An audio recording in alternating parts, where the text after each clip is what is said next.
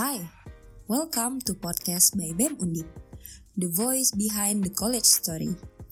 In this podcast, you're gonna enjoy the conversation about aspiration. Berdasarkan ketentuan hukum di Indonesia, berlakunya amicus curiae itu dapat diterapkan dengan menggunakan uh, dasar hukum dari pasal hmm. 5 Undang-Undang Kekuasaan Hakiman. Menjaga diri dari ketegangan itu itulah bagian dari menjaga diri tetap sehat mental. Innovation. Dengan mengikuti Deep Speak, kita akan diberikan wadah untuk melatih skill komunikasi kita dan nantinya dapat digunakan untuk mengkomunikasikan ide dan gagasan kita. Dari segi gimana sih caranya buat dapetin omset? Nah itulah yang harus kita cari dan kita temuin gitu kan dari dalam bentuk keuntungan. An inspirational story with an amazing speakers. Aku sambut dulu kepada Bu Nisa nih, dosen FKM kita. Uh, Pak Hans dari dosen Fakultas Psikologi Universitas Diponegoro, narasumber dari Mas Mbak FT Undip 2021.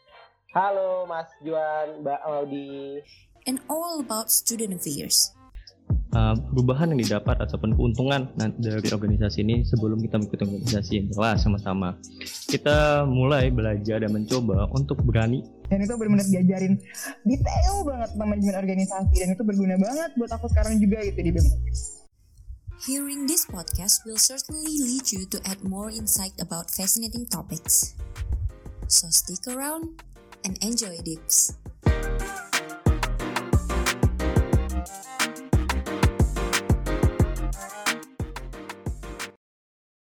Hai Dips, kembali lagi di podcast by BEM Undip. Hari ini aku bakalan nge-podcast bareng Rani nih. Mana nih Rani? Hai Rani. Halo lah, apa kabar nih? Hai, Alhamdulillah baik. Kamu gimana Ran kabarnya? Baik dong tentunya. Nah, abis yes. ini ya, kayak panjang banget kayaknya nggak diisi sama suara Ila, Marco, dan juga Rani gitu. Wah iya lagi bener ya? Kemarin sempet podcast episode sebelumnya tuh ada suara baru ya Ran ya? Bener banget. Ada suara anak-anak baru ya dari Kestra hmm, gitu. Anak intern. Dan mungkin semoga Jadi belum dengerin nih Dips Cek aja deh ya suaranya kayak apa sih gitu. Betul Jangan lupa untuk dicek.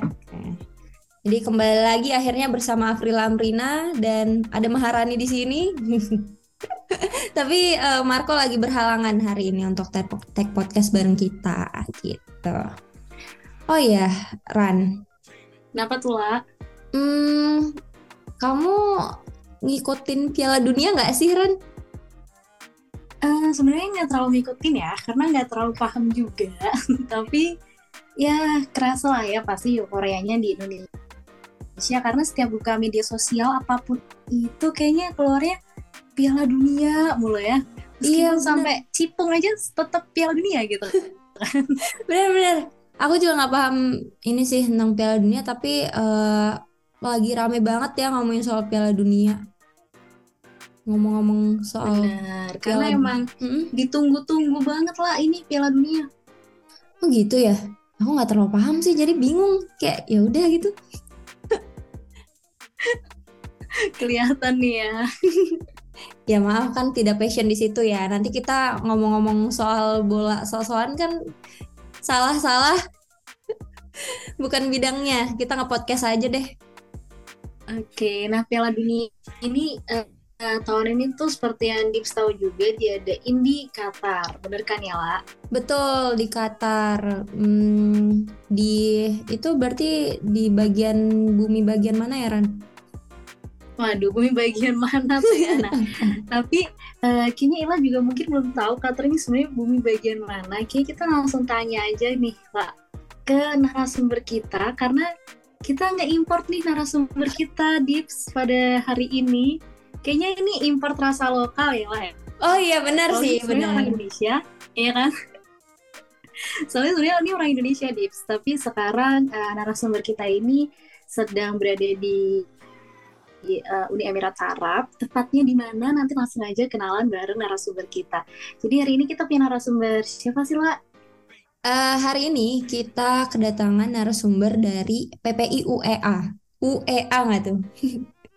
Kalau misalnya teman-teman uh, dips-dips semua ngikutin uh, Instagramnya BEM Undip, uh, kemarin uh, kita sempat um, kampus visit ya namanya Ran apa sih aku lupa namanya.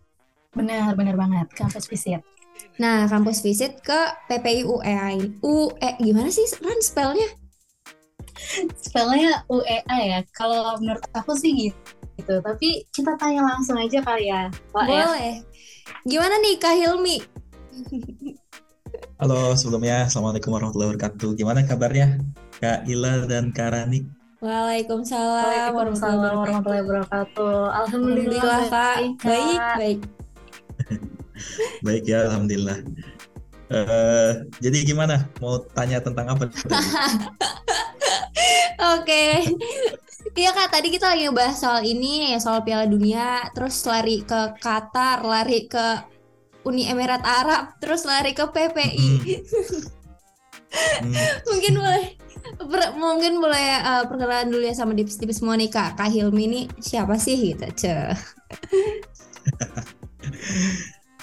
Ya, kalau eh, perkenalan ya, eh, kenalin nama aku sendiri Hilmi Zaidan Abdurrazak, nama panjangnya ya. Kalau biasa dipanggil sih biasa dipanggil Hilmi atau Zaidan juga boleh gitu.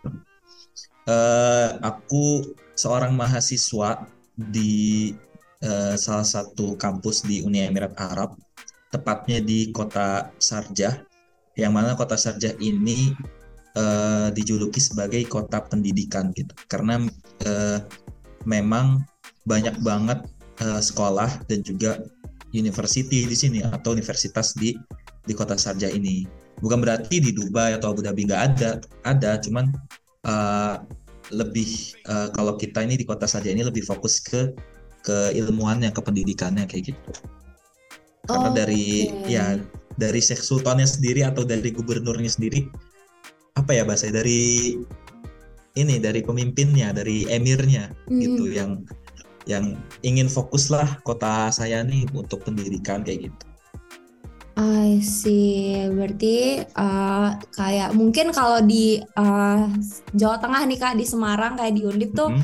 uh, nah kalau di Undip itu ka- kampusnya itu ada di Tembalang dan di Tembalang itu emang kayak tempat uh, pelajar eh mahasiswa gitulah kira-kira. oh ya ya ya mungkin Hmm. seperti itu sama Oke.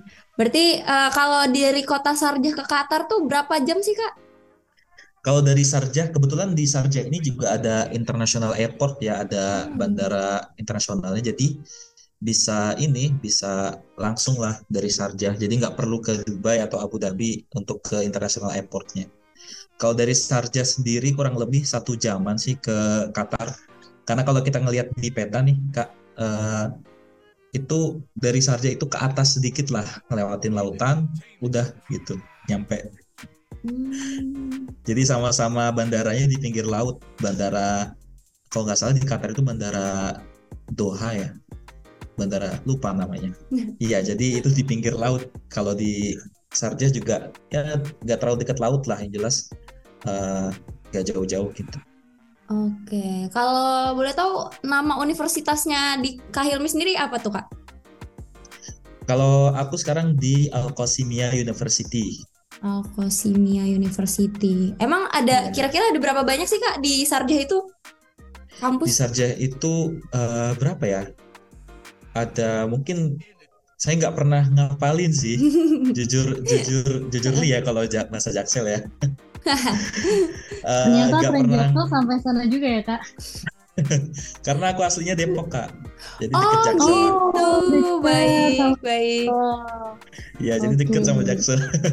Enggak sih, mungkin kebanyakan nonton YouTube aja kali ya. Oke silakan jangan lanjut. Ya, kalau kurang lebih sih kampus di sini lima lebih mungkin ada ya. Nah, lima Banyak lebih, juga ya Kak. Kurang lebih lah, kurang lebih di Hmm. di ini di apa namanya komplek kampus ini gitu. Oh, I see. Dan hmm, gimana tuh Kak awal mula Kak Hilmi bisa nyampe di kota Sarjah dan berkuliah di Universitas Al-Qasimah ya tadi ya namanya ya Kak? Al Qasimiyah. Al-Qasimiyah, oke. Iya. Gimana tuh Kak ceritanya? Eh, cerita awalnya sih sebenarnya eh, kan aku pribadi nih ya, aku lulusan ini santri, aku tuh lulusan Oh, pesantren. santri. Di mana Kak? Pesantren apa? Aku di Salatiga, kayaknya tahu deh anak Semarang. Hmm, apa tuh Kak? eh, Al Irsyad tahu. Hmm, kebetulan bukan anak Semarang gimana Rani tahu? Iya, Sebenarnya di sering Pengarang sih, sering dengar ya. Hmm. Iya, aku dari pesantren di situ eh, kurang lebih selama lima tahun lah. Ya karena memang memang seperti itu alurnya ya, bukan galus atau gimana gitu. Oke. Alurnya lima tahun SMA. Habis itu memang kebanyakan eh, alumni dari SMA itu atau pesantren itu tuh eh, orientasinya ke luar negeri gitu dan lebih ke Timur Tengah seperti mungkin Arab Saudi atau Mesir atau Yordania gitu. Uh, ada juga yang udah masuk ke Turki gitu. Ada sih sekarang udah mulai banyak yang berkiprah ke Turki gitu. Kalau aku pribadi kenapa bisa nyampe Emirat? Uh, Sebenarnya aku tuh emang sama sih berorientasi untuk atau bercita-cita lah, bercita-cita untuk kuliah di uh, luar tanah air gitu. Uh, jadi semua kampus yang buka ketika itu aku siapin berkasnya dan aku uh, daftar gitu ketika buka. Jadi kayak mungkin di Arab Saudi aku daftarin, terus mungkin Turki ketika itu beasiswa Turki apa namanya Turki Turkish Burs Burs Lari kalau nggak salah Hmm. itu daftar juga gitu. Dan yang di sini di Emirat memang eh, kampus aku ini termasuk baru sih, termasuk baru, baru berdiri 2014 lah kurang lebih gitu. Jadi eh, ya udah ketika itu buka eh, berkas juga udah lengkap sama dokumen-dokumen, ya udah coba daftar. Eh alhamdulillah yang kecantol yang di sini gitu. Alhamdulillah. Iya. Oke. Berarti itu beasiswa ya kak? Dan banyak gak kak kira-kira yang diterima dari beasiswa di univnya kakak ini? Eh ya, ini kalau di kampus aku beasiswa ya, dalam tanda kutip mungkin nggak full, belum full beasiswa. Kenapa belum full, Hmm. full beasiswa? Karena eh, untuk mengurus berkas aja kita pakai uang pribadi satu. Kedua, eh, ketika kita mendapat visa, nah ini alhamdulillahnya visa pun dari kampus ya diurus. Eh, kita beli tiket pesawat sendiri gitu. Karena kalau di Iya, karena kalau di kayak di Arab Saudi gitu sih, setahu aku udah ini ya, udah digratisin ya beasiswanya gitu. Mm-mm. Eh, kemudian eh, apa lagi ya?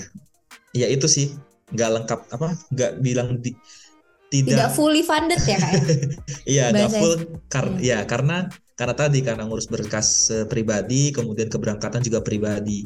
Tapi ya eh, alhamdulillah disyukurin juga sih karena memang kita nyampe sini tinggal belajar, kita nggak ngurusin pembayaran semester, kita nggak Oke. beli buku, eh, terus juga nggak nyewa rumah atau nyewa apartemen gitu. Kita tinggal eh, belajar aja di sini gitu. Karena tinggalnya di asrama juga ya kak ya?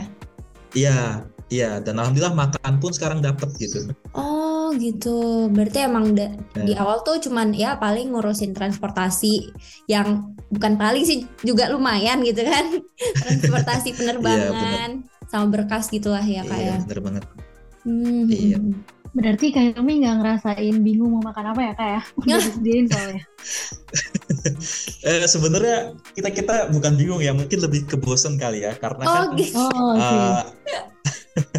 ada beberapa eh, sebenarnya kalau di sini kayak sarapan sarapan itu eh, biasanya kita ada roti, roti itu selalu disediain sih.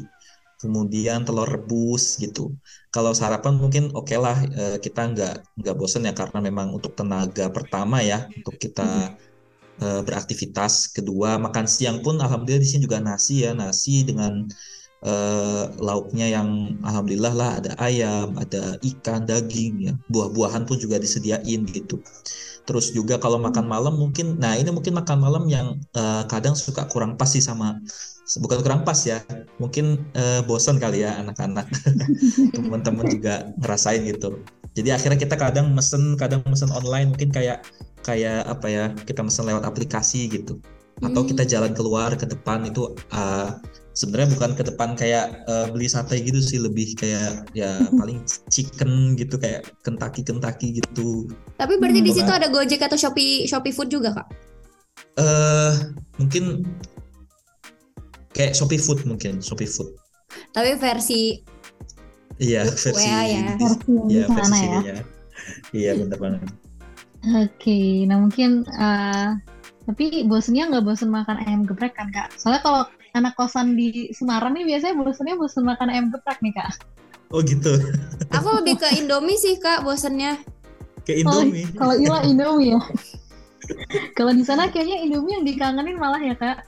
Enggak, justru eh, Indomie di sini udah ada banyak malah gitu. Wah, Rani nggak Oh, tahu banyak kak, Indomie itu mendunia, Ran. Mendunia Indomie Bener itu. sih mendunia ya. Jadi Oke, kalau nah, misalnya eh, jadi Indomie itu bisa dibilang sama anak-anak sini kayak ya bulanan harus stok lah gitu. Sama ya Oh, berarti berarti sama. nggak ada lagi oh sama berarti nggak ada lagi ini ya kalau dari Indonesia ngeboyong Indomie banyak gitu udah nggak zaman lagi ya kak karena udah sampai sana udah banyak ya Iya bener enggak. Paling kalau misalnya ngeborong itu paling kayak sambel, bon cabe Oh, gitu-gitu iya, sih. iya. Itu kayak wajib deh. Iya. Untuk lidah Indonesia sih wajib kayaknya kan. Bener. Nah ngomongin sambal sama bon cabe nih kak, tadi Kak Hilmi juga eh, aku rasa sih ya kalau masih ngebawa sambal bon cabe gitu-gitu juga salah satu bentuk adaptasi mungkin ya Kak Hilmi sama kuliner di sana, makanan-makanan di sana gitu ya. Kayak mungkin ada yang rasanya kurang cocok sama lidah Indonesia gitu ya kak. Nah gimana sih Iya. kak cara Kak Hilmi buat adaptasi nih eh, saat berkuliah di sana gitu kan? Pastinya nggak cuma beda kota aja tapi udah beda negara bahkan beda benua gitu ya jadi pasti eh, banyak banget kayak culture shock yang dirasain gitu dan gimana cara Kak buat adaptasi mulai dari lifestyle terus itu makanan mungkin pola tidurnya juga yang beda gitu gimana kak? Iya, eh, kalau apa ya untuk beradaptasi sih sebenarnya kalau dari makanan kalau aku pribadi ya, aku pribadi sih nggak terlalu ini ya nggak terlalu pilih-pilih maksudnya. Semisal kita di kayak makanan di kampus deh bukan di luar dulu ya.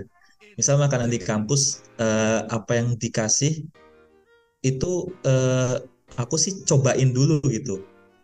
Kira-kira eh, masuk gak sih nih ke lidah aku pribadi gitu kalau misalnya karena eh, alhamdulillah rasanya pun nggak jauh-jauh kok dari apa ya dari Indonesia mungkin eh, Hmm. berbeda berbeda apa ya karena berbeda yang masak jadi rasanya mungkin eh, rasa India gitu. Karena kan di sini populasinya lebih banyak ini ya India Pakistan Bangladesh gitu.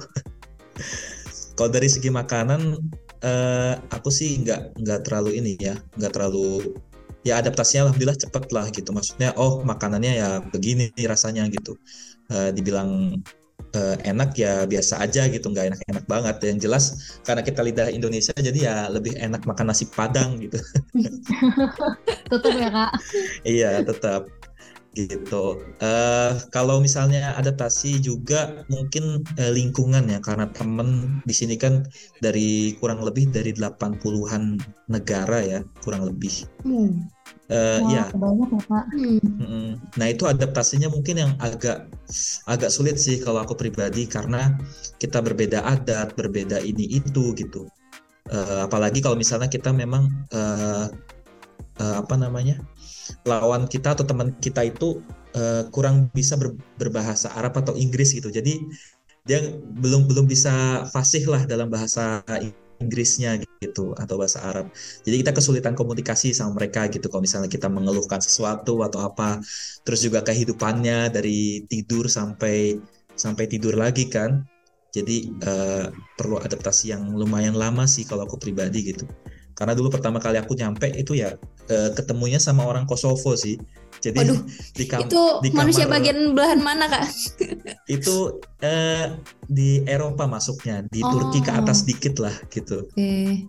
Iya, eh, orang Kosovo ya, ya banyak sih. eh, kayak misalnya bahasa mereka juga baru masuk di kelas bahasa, jadi agak sulit berkomunikasi sama mereka ketika ada permasalahan sesuatu. Kemudian juga adat kebiasaan mereka suka ngomong keras-keras, teriak-teriak. Nah itu sangat sebenarnya kalau kita orang kalau saya pribadi nggak nggak suka ini sih, nggak suka kebisingan gitu. Jadi ya cukup mengganggu sih. Cuman ya ya namanya beradaptasi kita sama orang lain, hidup sama orang lain ya dijalanin aja gitu. Oke, bener banget sih kayak tadi poinnya emang harus dijalanin dan dicoba dulu gitu ya kak ya. Iya. Namanya juga adaptasi gitu ya di lingkungan baru. Berarti emang kalau dari versinya Kak Hilmi sendiri nih eh, untuk lingkungan mungkin ya Kak penyesuaian budaya sama orang-orang baru dari negara-negara luar Indonesia itu yang mungkin versi Kak Hilmi paling susah gitu. Iya. Oke oke. Em, mungkin ini nyambung sih Kak sama pertanyaan yang selanjutnya.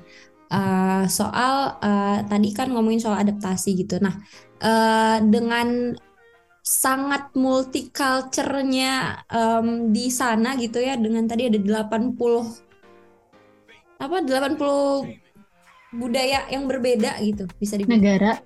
negara Iya. bahkan ya. Iya. Nah, itu gimana nih Kak cara Kak Hilmi ngebawa Kak Hilmi sebagai orang Indonesia di sana gitu? Eh, apa sih hal-hal yang Kak Hilmi lakuin gitu eh, sebagai cara untuk beradaptasi dan juga eh, ngenalin nih eh, aku dari Indonesia dengan budayaku yang kayak gini gitu. Eh, dan adakah kayak penolakan dari eh, teman-teman lingkungan gitu atau kayak malah mereka teman-teman di sana juga apa ya saling apa namanya penasaran satu sama lain dengan budaya yang lain, budaya yang berbeda dari budayanya mereka gitu. Gimana Kak? Eh, kalau pandangan aku sendiri ya so far nggak nggak ada masalah sih. Karena eh, cara kalau aku pribadi ya mungkin karena kita di sini alhamdulillah banyak ya orang Indonesianya dari kalau kampus aku sendiri itu lakinya itu kurang lebih ada 40-an lah. Hmm. sedangkan yang perempuannya juga ada 40-an jadi total 80 sekian gitu. 80 sekian. Jadi eh, pertama ya mungkin cari eh, lingkungan kita dulu nih lingkungan kita apa ya orang-orang Indonesia. Mungkin eh, dari awal keberangkatan ke sini pun kita udah dikawal nih sama eh, organisasi mahasiswa di sini gitu mahasiswa lokasimia dikawal untuk eh, berangkat kemudian nyampe nya pun dijemput kayak gitu. Jadi eh, kita udah kenal nih oh nih circle atau keluarga baru kita nih. Pengganti orang tua kita nih di sini pengganti eh, keluarga kita lah yang yang insya Allah bakal ngebantu kita selama selama kita eh, studi di sini gitu. Jadi kalau aku pribadi ya eh, mungkin eh, lebih ke kita cari circle ke Indonesia dulu ke negara kita. Mungkin eh, adapun buat circle ke negara lain pun ke teman-teman yang beda negara pun eh, seiring berjalannya waktu sih kalau aku karena kan kita belajar misalnya di kelas gitu ya nanti kita ketemu kenalan jadi tahu oh dari negara ini begini kalau di sini sih kebanyakan eh, dari Afrika sih kak Oh, didominasinya ya, dari sana, Kak. Afrika dan Asia gitu kalau Asia itu Oh, oke. meliputi Indonesia Thailand Filipina gitu Kamboja Oke. Hmm. gitu dan Lebih ke Asia Tenggara berarti atau mungkin ada Asia lain juga? iya eh, Cina ada Cina Oh, oke oke, Kak. Iya, dan di sini juga alhamdulillah Indonesia apa ya mahasiswa Indonesia di sini terkenal sih kak terkenalnya eh, alhamdulillah terkenal orang-orangnya santun, orang-orangnya baik gitu. Jadi Hmm. jadi ya eh, alhamdulillah lah. Jadi untuk kita berinteraksi sama orang orang lain pun di luar Indonesia pun ya tinggal mengikuti alur gitu karena ya alhamdulillah kita juga dipandang baik sih gitu. Berarti ibaratnya ya karena kita juga udah dapet citra yang bagus di sana sebagai eh, kita sebagai penerus aja gitu ya Kak ya dari eh, generasi-generasi sebelumnya atau kakak-kakak senior sebelumnya gitu. Dan kebetulan ada Iya. ada apa ya eh, teman-teman dari Indo juga punya organisasi di situ yang mena- menaungi teman-teman mahasiswa barunya gitu ya Kak ya. Iya bener banget. Oke, jadi emang istilahnya cara untuk nge-branding Indonesia mungkin tetap uh, berlaku yang baik gitu ya kak ya bagi sama dan juga ada nggak sih kak mungkin nih kalau kalau berlaku baik ke sesama kan kayaknya udah pasti lah ya insya Allah nih orang Indonesia juga di sana terkenalnya alhamdulillahnya santun gitu.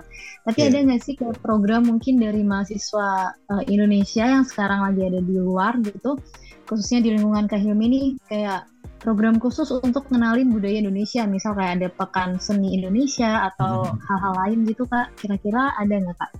Iya, eh, ada sih, ada. Eh, khususnya kayak di kampus aku sendiri itu eh, ada namanya eh, event Mahrojan. Mahrojan itu eh, seperti pameran. Jadi Oke. kalau di dan Mahrojan itu nggak cuma di sini aja sih, mungkin di negara negara lain pun juga ada eh, kayak Yordania, Mesir, eh, Saudi itu juga mereka ngadain. Kalau di Timur Tengah sih namanya Mahrojan ya. Tapi kalau di eh, Eropa belum tahu saya juga gitu.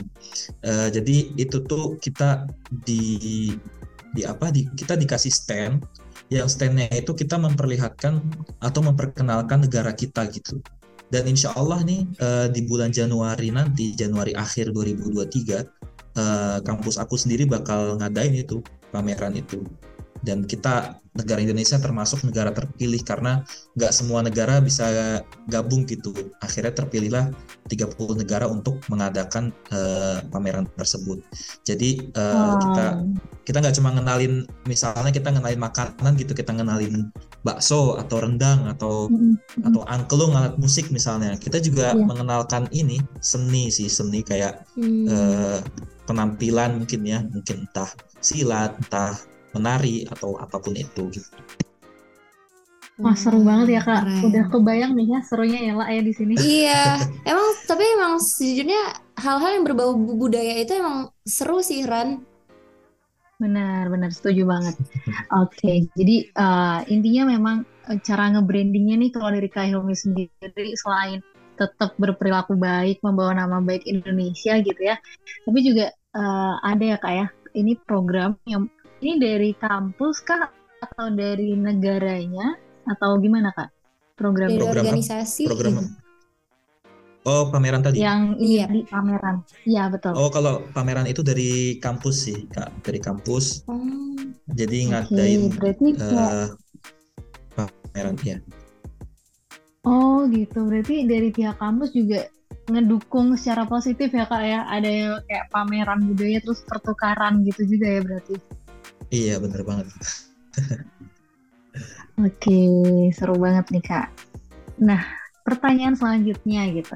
Tadi Kak Hilmi udah sempat uh, nyebut nih ya, nyebut tentang organisasi mahasiswa gitu. Nah, seperti yang udah kita tahu nih, mungkin Dips juga udah pantengin IG-nya BIM Undip atau mungkin udah ada stalking IG-nya PPI UEA gitu ya. Uh, tapi banyak juga nih kak mungkin yang belum tahu sebenarnya PPI itu apa dan perannya apa sih di luar negeri gitu. Mungkin karena Kak Hilmi di sini sebagai wakil ketua umum ya kak ya, betul? Eh iya. Iya, nah sebagai wakil ketua umum nih dari PPIUEA, um, boleh dong kak ceritain dikit sebenarnya PPU PPIU. Gimana sih kak eh, spellingnya uh, yang benar? Ya? uh, Sebenarnya sebenarnya kalau di Instagram kita itu namanya PPI Emirat sih. Mungkin gitu aja kali ya. Oke, okay. Emirat bener ya, agak lebih singkat gitu. Iya. Wow banget kak. Iya nggak apa-apa. Jadi uh, eh, PPI Emirat ini sebenarnya apa dan perannya tuh apa sih kak gitu? Uh, ya, kalau PPI Uni Emirat Arab atau PPI Emirat ya, uh, kita pasti tahu lah ya uh, kepanjangan dari PPI mungkin Persatuan Pelajar Indonesia gitu di Uni Emirat Arab gitu karena uh, mungkin istilah PPI ini eh, sering dipakai kali ya sama mahasiswa-mahasiswa yang eh, di luar gitu ya. Jadi eh, kalau PPI ini mungkin nggak jauh beda sama kayak sama kayak BEM, mungkin sama kayak Undip gitu. Jadi kita ini ya salah satu wadah gitu, salah satu wadah wadah organisasi di mana salah satu tujuannya itu e, memberikan informasi khususnya dalam bidang pendidikan, kemudian juga e, berangkat dari tujuan tersebut muncul uh, ide gagasan program kerja yang mana untuk membuat orang orang-orang tuh uh, tahu gitu kita uh, ada nih di di negara tersebut gitu. Ada mahasiswa Indonesia di negara tersebut. Dan kita juga uh, banyak sih program-program mungkin program-program di internalnya. Dan mungkin nggak jauh beda mungkin kayak kayak BEM gitu ya. Jadi ya uh, mungkin ada podcast juga, kita juga punya podcast, juga uh, program ini, program apa namanya? Uh, bukan jalan-jalan sih, hangout ya, sorry, hangout. Hmm. Jadi hangout itu uh, kita berusaha untuk uh, apa ya? merangkul merangkul teman-teman yang ada di Uni Emirat Arab gitu karena kan kita uh, satu negara ya lingkupnya ya bukan satu wilayah kampus aja kayak gitu kayak makrab gitu ya kak ya Uh, enggak, kalau makrab itu biasanya uh, kita juga ada makrab. Makrab oh, itu lagi. baru beda lagi. Uh, makrab itu baru dijalani sekali, yaitu uh, pas tahun ini di uh, bulan Agustus kemarin. Jadi makrab itu di uh, sambungan dari acara kita yaitu PPI ke UEA mengabdi gitu. Jadi Oh, kita iya. itu salah satu program kita ya program besar sih ya PPM mengabdi. Eh, sekaligus kita juga eh, ada makrabnya setelah mengabdi itu gitu. Jadi kita bisa saling kenal satu sama lain gitu. Lebih dekat Wah lah. seru banget ya tepatnya. kak. Banyak ya programnya Keren ya Ran ya. sih. Iya, soalnya sebenarnya kak, aku udah sempat stalking kan eh, tentang PPI Emirat ini. Nah, udah nggak belibet lagi nih Siap, tentang Kak. PPI, iya tentang PPI Emirat ini dan secara pribadi aku sangat-sangat apa ya mengapresiasi sih dari teman-teman PPI Emirat gitu karena benar-benar program-programnya menyejukkan hati sih kalau aku lihat. Dan sejujurnya kalau dari tadi kita ngobrol tuh eh, aku sempat kebesit beberapa judul film sih kak. Karena ngobrolnya sama PPI Emirat tuh yang paling kebesit tuh ayat-ayat cinta. Iya nggak sih? Iya lagi baru baru keinget. Iya kan, iya kan bener. Soalnya eh, iya ayat-ayat cinta terus ada sang pemimpi terus juga ada eh, presiden kita B.J. Habibie kayak di filmnya tuh dari 1 sampai 3 kayaknya sangat-sangat lekat ya sama PPI gitu Iya. dan mungkin itu bisa ngebantu Dips semua juga untuk lebih memahami gitu ya mungkin bisa dilihat film-filmnya gitu Um, dan berarti tadi kalau dijawab dari jawaban Kak Hilmi gitu ya bisa aku simpulin nih kalau PPI ini tuh lebih ke organisasi ya kalau nama ini istilahnya per, kayak apa ya perkumpulan mahasiswa Indonesia gitu ya kak Yap. Eh, di luar negeri dan tentunya tujuan utamanya adalah eh, memberikan eh, sebuah eksistensi ya kalau aku bisa katakan ya eksistensi Iya, iya. kayak ini loh mahasiswa Indonesia ada di negara ini dan tentunya memberikan dampak baik juga ya bagi eh, negara tersebut benar ya kak Iya, benar. Oke, keren banget. Eh, dan kayaknya udah bercerita banyak banget nih ya, La. Ila, ada pertanyaan pamungkas nggak nih kira-kira? Em, mungkin ini eh, Semoga pertanyaan bisa dijawab ya. mungkin ini pertanyaan terakhir ya eh, Ra, dari eh, sebelumnya berarti ini S1 ya Kak? Kalau kalau Kak Hilmi itu S1 berarti. Eh, iya, S1. Hmm, oke. Em, nah, mungkin eh, ini buat pertanyaan agak general, cuman mungkin Kak Hilmi nge- ngejawabnya eh, di spesifik di yang Kak Hilmi sekarang gitu kan eh, soal kuliah di luar Hmm. negeri gini. Karena mungkin eh, kuliah di luar negeri tuh keren, jujur saja. Keren gak Ran? Benar, benar banget. Benar sih, aku juga sangat-sangat bermimpi dan aku rasa hampir semua orang ya, Dips yang ngedengerin juga aku rasa punya mimpi gak sih meskipun cuma Betul. terbesit dikit gitu, tapi kayak punya keinginan sih pasti kayak pengen deh kul- eh, kuliah di luar negeri gitu. Iya, iya. Karena dan kita tahu itu nggak mudah juga untuk kuliah di luar negeri pastinya dengan Benar, benar. walaupun Banyak mungkin banyak ap- apa ya nggak tahu sih eh, menurut aku nggak hanya untuk daftarnya doang gitu maksudnya untuk bisa bertahan aja di berkuliah itu aja udah luar biasa gitu Kak Hilmi udah tahun keberapa Kak? Nah, Eh, baru masuk tahun kedua. Oke tahun kedua dan oh, baru empat tahun ya Kak? Kedua. Ya mungkin semangat kak, udah setengah perjalanan ini. udah mulai udah mulai kerasa ininya Kak susah-susahnya. Mungkin kerasa susah, eh, gimana ya? Masih sama aja sih. Oke oke. Nah, eh, aku mau nanya nih Kak, tips and trick nah buat teman-teman yang sekiranya mungkin ntar dia mau melanjutkan. Kalau dari Dips sendiri mungkin yang mau melanjutkan S2 ke luar negeri atau mungkin di luar Dips nanti yang dengerin tuh mungkin eh, di luar dari anak-anak Undip juga yang mau berkuliah kayak Kak Hilmi dan teman-teman lainnya, teman-teman PPI Emirat lainnya. Alhamdulillah bener ya spellingnya. Nah, itu gimana Kak tips and trick buat teman-teman yang ingin kuliah di luar negeri gitu? Dari Kak Hilmi sendiri. Kalau tips and triknya eh, sebenarnya yang pertama ya, kalau yang aku alamin eh, itu ikuti alur sih. Jadi eh, misal target kita mau kampus mana nih gitu, misal kita mau ke London gitu, ya kita cari tahu apa yang diperlukan untuk mendaftar ke sana gitu. Kalau misalnya itu bukan atau non beasiswa, eh, kita juga harus tahu budget biayanya berapa. Apakah kita atau keluarga kita bisa eh, memberangkatkan kita ke sana atau tidak kedua eh, apa ya kedua itu memper apa ya memperbaiki niat sih.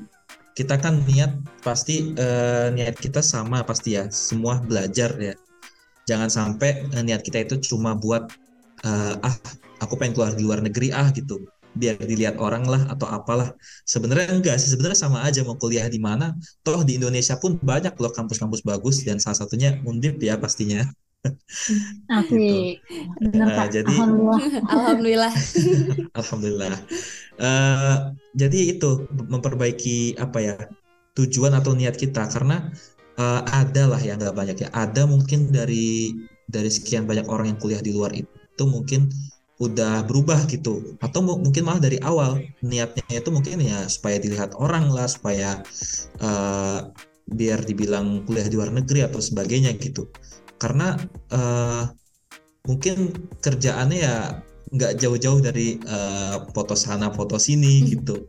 Sehingga lupa tugas kewajibannya itu belajar gitu. Atau misalnya nongkrong sana nongkrong sini kayak gitu. Jadi eh, itu sih yang paling penting tujuan kamu atau tujuan kita ke apa merantau itu untuk apa sih gitu. Jangan sampai kita lupa tujuan utama gitu yaitu belajar dan bawa manfaat buat eh, kita dan orang lain kayak gitu Yes, bener banget sih itu. Maksudnya itu kayaknya ini tuh jadi nggak hanya kepake buat teman-teman yang mau keluar di luar di luar negeri ya kak. Berarti ini emang eh, teman-teman perantauan gitu. Harus ingat tujuan awal mau kuliah, mau di mana pun kuliahnya harus ingat tujuan awalnya apa gitu. Jangan sampai lupa. Kadang-kadang juga ada orang yang di awal mungkin eh, niatnya udah oke nih, eh tiba-tiba udah nyampe sana kebawa ke mana-mana dan lupa niat awalnya apa. Ada juga tuh kayak yang kayak begitu. iya benar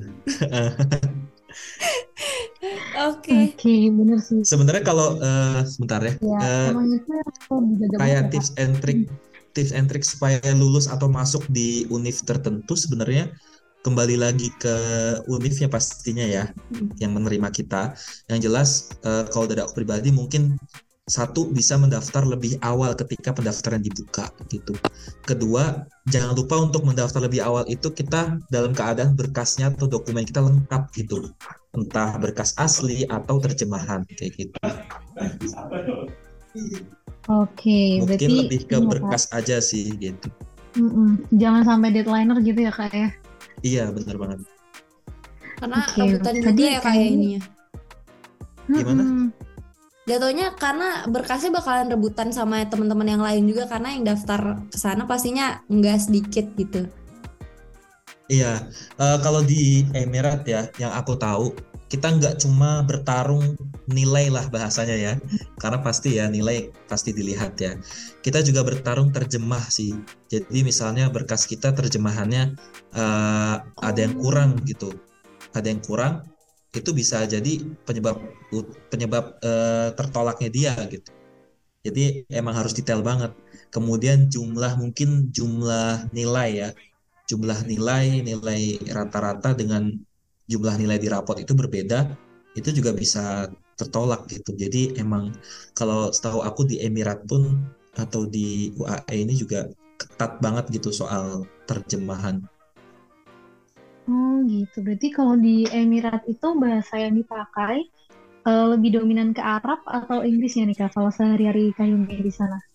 sebenarnya bahasa resmi dari negara Uni Emirat Arab sendiri itu bahasa Arab cuman Mm-mm.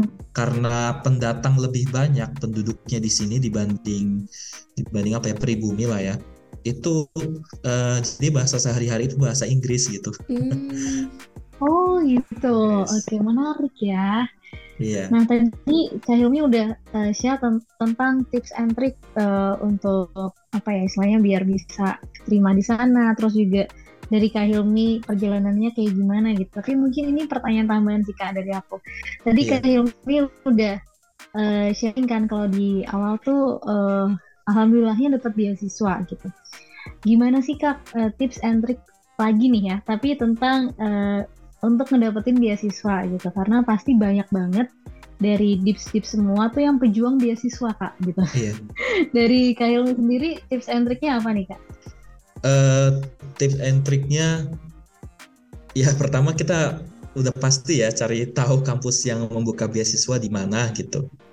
Kalau misalnya nih karena kita daerahnya ini Timur Tengah ya eh, itu banyak sih yang membuka program beasiswa gitu nggak cuma di Emirat aja di Qatar pun ada, cuman di Qatar itu lebih ke S2 dan S3. Kemudian kayak di Saudi itu S1, S2, S3, setahu aku juga siswa gitu. Bahkan eh, tiket tiket apa namanya setahun sekali gitu. Kalau di aku ini cuma gratis tiket dua tahun sekali ya pertengahan tahun dan eh, ketika pulang gitu, pulang ke tanah air. Dan buat tips and triknya juga eh, udah pasti kita cari info sebanyak-banyaknya kampus yang membuka uh, beasiswa. Karena di Instagram pun udah banyak tuh nggak cuma daerah Timur Tengah aja. Mungkin di daerah Eropa atau di mana itu juga membuka beasiswa.